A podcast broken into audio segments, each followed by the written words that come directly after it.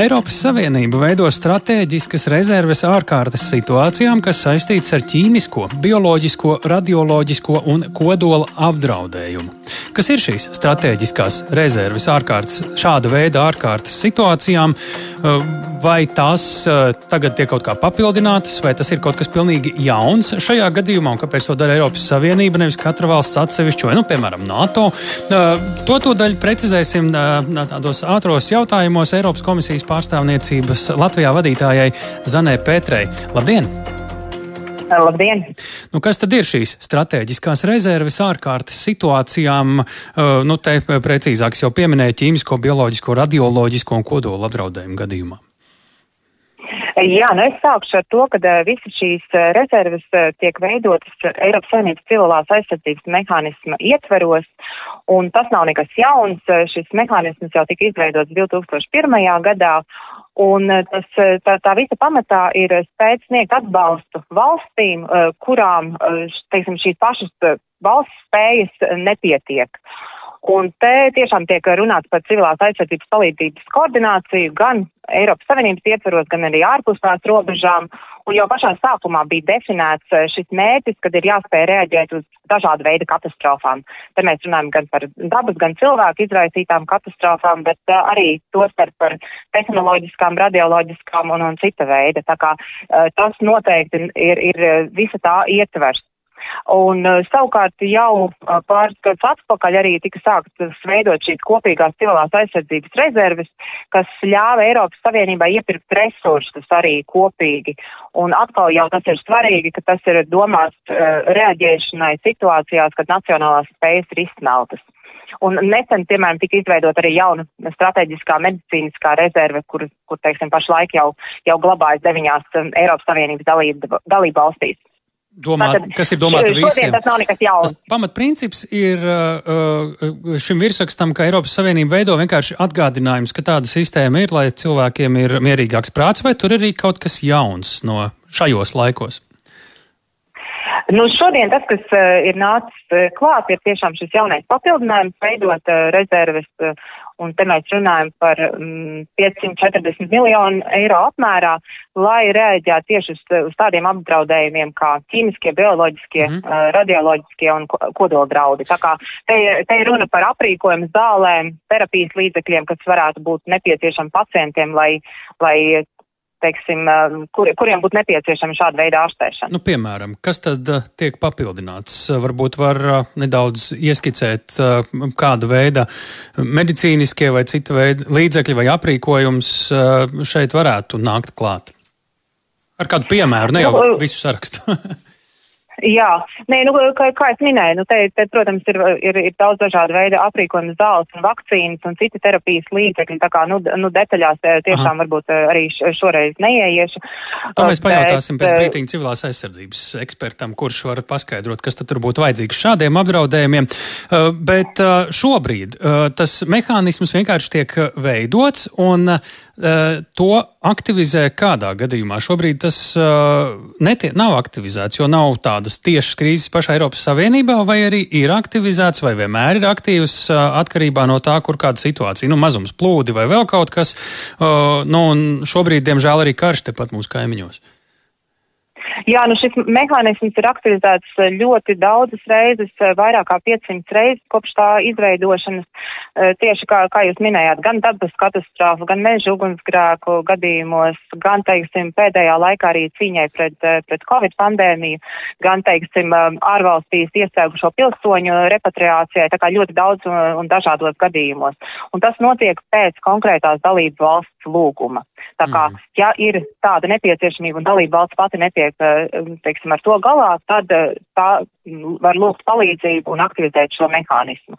Un, teiksim, pie, piemēram, piemēram, tai pašā gadījumā par atbalstu un palīdzību Ukrainai arī šajā gadījumā eh, šis mehānisms tika aktivizēts un šī civilā aizsardzības mehānisma ietveros bija ir sniegta palīdzība sākot no medicīnas precēm līdz pajumtei, līdz ģeneratoriem un, un daudz, ko, daudz kam citam. Kur ir tā robeža, kas eh, ir pašu dalību valstu ziņā un kas ir, eh, kur, kur, ķer, kur eh, nāk tālāk šis mehānisms? Jūs teicāt, ka ja pašai dalību valstī nav šo līdzekļu, bet vai dalību valstīm ir kaut kāda pienākumi, nu, nu, kur, kas nu pašām vien ir jāizdara un kur šis mehānisms uh, nevar tikt uh, saukts tālāk? Uh, kā tad ir tie pienākumi un atbildība, kur sadalās, kur uh, dalību valstis var vērsties pie šī kopējā strateģiskām rezervēm Eiropas Savienībā ārkārtas situācijā? situācijām un ar ko jātiek galā būtu tomēr pašām?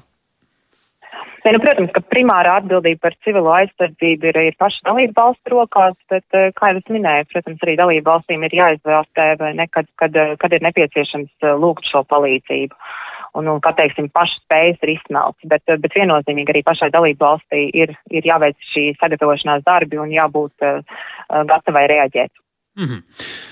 Tik tā laikam pamatus esam ielikuši, izstāstījuši. Sakām paldies, sakām paldies Zanē Petrei, Eiropas komisijas pārstāvniecības Latvijā vadītājai, runājot par to, ka Eiropas Savienība veido strateģiskas rezerves ārkārtas situācijām. Nu, jāsaka, tā turpina veidot, bet tas jaunums ir, ka šobrīd arī šīs rezerves tiek papildināts ar lietām, krājumiem, ierīcēm, kas saistītas ar ķīmisko, bioloģisko, radioloģisko un kodola apdraudējumu.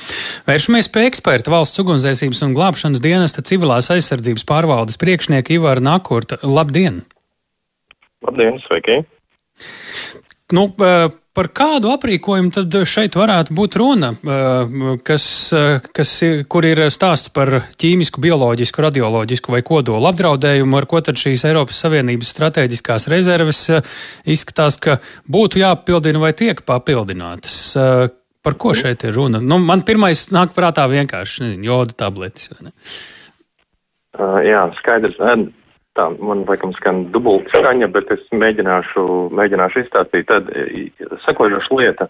Tad maz solīts nedaudz atpakaļ, ne gluži vēsturē, bet uh, tāds Eiropas Savienības civilās aizsardzības mehānisms, tā tautā saukto, sauktais mehānisms uh, katastrofu gadījumos, ja tā varētu pateikt, Uh, jau kā 20 gadu ir izveidots, un valstis lēnām to ir attīstījuši tik tālu, ka praktiski tur ir uh, iedalīti resursi dažāda veida. Ir tādi resursi, kur saucās, kur valstis brīvprātīgi, uh, nu, teiksim, tādu veido brīvprātīgi resursu saraksta, ko komisija ir, nu, teiksim, kopā ar dalību valstīm pateikusi. Tad mēs zinām, kādu apdraudējumu Eiropa var skart. Protams, tagad skatās arī nedaudz plašāk, ne tikai Eiropa, jo šis mehānisms ļoti daudz iegulda teikt, palīdzības sniegšana arī ārpus Eiropas Savienības vai Eiropas Savienības dalību valstīm un, un plašākā mērogā pa visu pasauli. Tad tur ir gan visāda veida resursi, gan eksperti, un vēl ir saucamie moduļi, kā mēs, nu, tur viņi tādi skaisti, skaisti apzīmēt, bet tā nozīmē, ka šie resursi tiek veidot uz konkrētiem principiem un konkrētām prasībām. Pieņemsim, ja cietusī valsts katastrofā prasa palīdzību, tad šī valsts aktivizē šo mehānismu, Un, ja tiek prasīti konkrēti resursi, tad ir resursi, piemēram, kur ir jāspēj iedarbināt, ja, teiksim, uh, doties jau pēc pal palīdzībā konkrētai valstī, konkrētā laika intervālā, piemēram, 24 Resursiem, kas, laikā. piemēram, ir Latvijā, ja? Nu, kā piemēram, Latvija kopā ar, Latvijā arī ir viens no šādiem resursiem izveidots kopā ar Latviju, Lietuvu, Igauniju, kas saucās uh, lieljaudas uh, sūknešanas modulis, ir paredzēts pulūdu gadījumos, jā. Ja?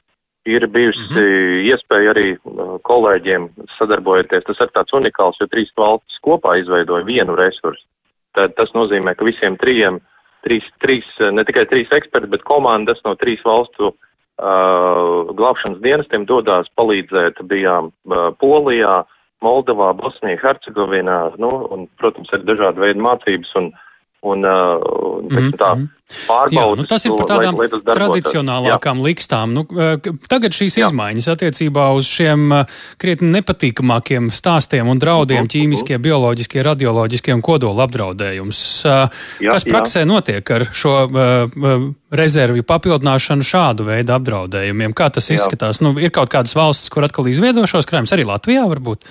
Es izstāstīšu, tad nākamais solis, es minēju, tad pirmais solis bija tas brīvprātības, uh, nu, veidošanas uh, iespēja balstoties uz riska novērtējumu. Tad saucamais ir vēl viens, ir uh, saucamais, es nezinu, kā viņi precīzi latviski nosaukt, viņam ir tāds uh, skanīgs vārds. Sakiet būtību. EU.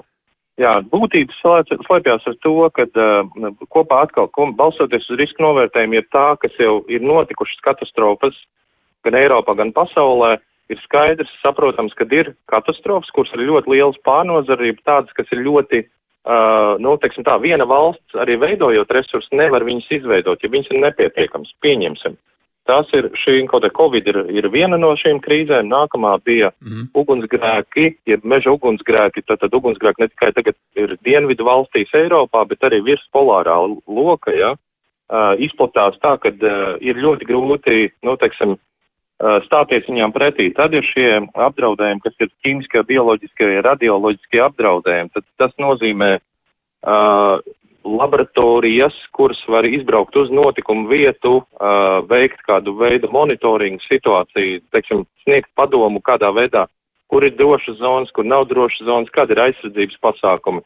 Tie arī savu veidu ne tikai resursi, bet tie ir cilvēki, eksperti, kas spēj to izdarīt.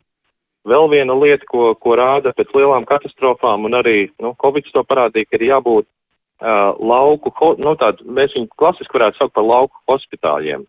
Un tur ir dažādi veida līmeņi. Tad, pat ir, ir tik nopietna lauka hospitāļa izveidot, kas praktiski aizvedot, uzbūvējot šo uh, nu, uh, no telšveidīga vai pielāgojot attie, attiecīgā infrastruktūrā, spēja nodrošināt ķirurģiskas operācijas, terapeitiskas nu, procedūras un ļoti, ļoti plaša nu, tiksim, spektra medicīnisko pakalpojumu sniegšanu. Mm -hmm. Jūs prasījāt kolēģei, kas tad ir tie nu, tiksim, tādi resursi. Ja, jā, mums vēl pāris minūtes, to varētu tā koncentrēt, jā, radīt priekšstatu, jo tas tas jaunāks. Tā, ka, jā, bet kas ir svarīgi, valstis, kuras veido šos resursus, viņas garantē, ka šos resursus ir jāiesaist un jādabū pēc, gan izvai, viņi tiek izmantot kā pēdējais salmiņš vai pēdējās, pēdējā iespēja, un šie resursi ir uh, saistīti, piemēram, ar medicīniskām maskām, ar uh, speciāliem uh, medicīnas iekārtām, kuras ir paredzētas, pieņemsim, slimnīcas kapacitātes celšanai, lai stāties pretī, nu, piemēram, Covid laikā.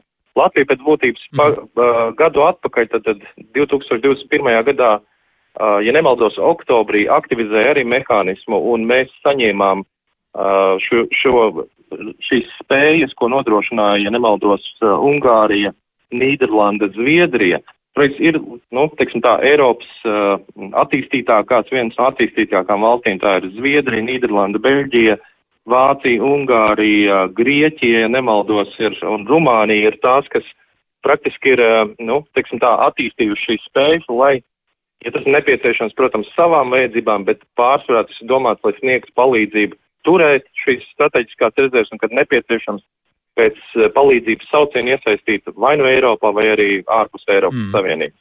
Nu, pārsvarā tas, domāts, ir Eiropas Savienības vai mehānismu valstīm.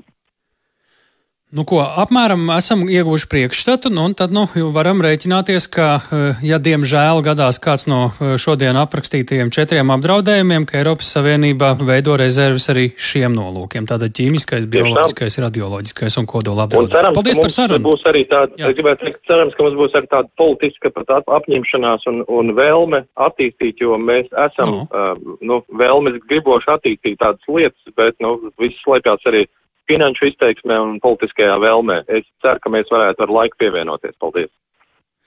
Nu jā, zināt, ko jādara, tas jau ir pirmais solis. Paldies Ivaram Nakurtam, valsts ugunsdzēsības un glābšanas dienas civilās aizsardzības pārvaldes priekšniekam.